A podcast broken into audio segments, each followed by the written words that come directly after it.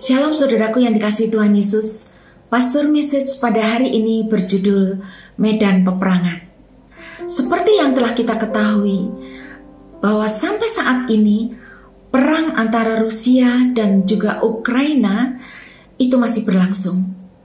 Dan perang ini menimbulkan banyak sekali korban jiwa dan berdampak yang sangat besar bagi kerugian bagi seluruh dunia. Mengapa peperangan ini bisa terjadi?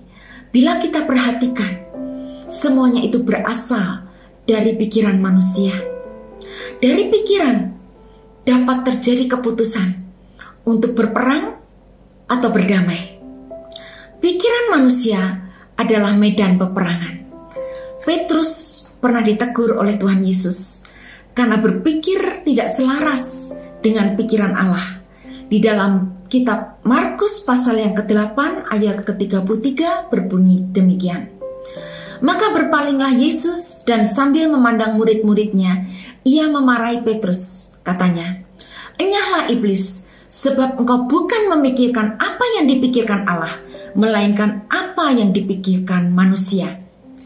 Pikiran manusia adalah medan peperangan.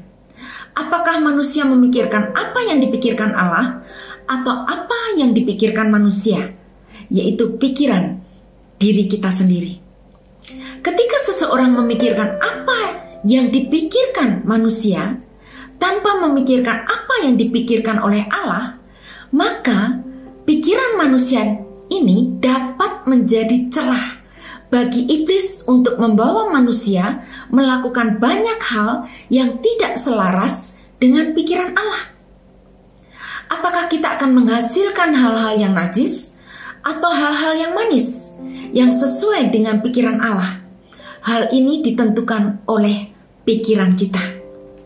Markus pasal yang ketujuh ayat 20 sampai 23 saya ambil dari terjemahan sederhana Indonesia edisi yang kedua berbunyi demikian saudaraku.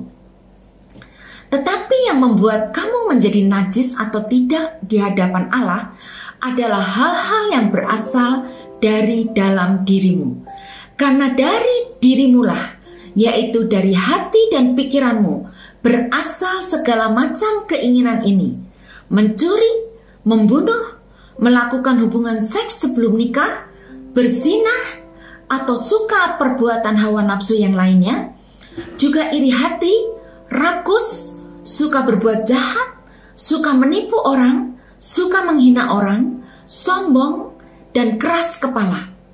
Ayat 23. Semua hal yang jahat itu datangnya dari hati dan pikiran manusia. Dan itulah yang menentukan kalau kamu menjadi najis atau tidak di hadapan Allah. Ketika kita sedang dalam medan peperangan yang sedang terjadi di dalam pikiran kita, ingatlah bahwa Roh Kudus ada di dalam kita. Dan ia akan selalu mengingatkan kita dan menolong kita untuk kembali berpikir selaras dengan pikiran Allah. Tetapi keputusan untuk melakukan dan memenangkan peperangan itu adalah keputusan dari pikiran kita sendiri. Mengapa saudaraku? Karena Allah memberikan hak kebebasan kepada kita sebagai makhluk ciptaannya. Kita diciptakan bebas, memiliki kehendak bebas. Kitalah yang harus menjaga pikiran kita, saudaraku. Dan hati kita, ya, harus dijaga supaya apa? Supaya tetap selaras dengan pikiran dan kehendak Allah. Amin, saudaraku. Apakah yang harus kita pikirkan agar segala keluar dari pikiran kita dan juga kehendak kita adalah sesuatu yang selaras. Segala sesuatu yang selaras dengan pikiran Allah dan kehendak Allah. Filipi pasal yang keempat ayat 8 berkata demikian. Jadi akhirnya saudara-saudara, semua yang benar, semua yang mulia, semua yang adil, semua yang suci, semua yang manis, semua yang sedap didengar, semua yang disebut kebajikan dan patut dipuji, pikirkanlah semuanya itu. Bila kita memikirkan ya hal-hal yang baik. Saudaraku, bila pikiran kita diisi oleh semua yang benar, semua yang mulia, semua yang adil, semua yang suci, semua yang manis, semua yang sedap didengar, semua yang disebut kebaikan dan patut dipuji, maka saya percaya bersama dengan Roh Kudus yang ada di dalam kita, kita akan memenangkan peperangan yang ada di dalam pikiran kita.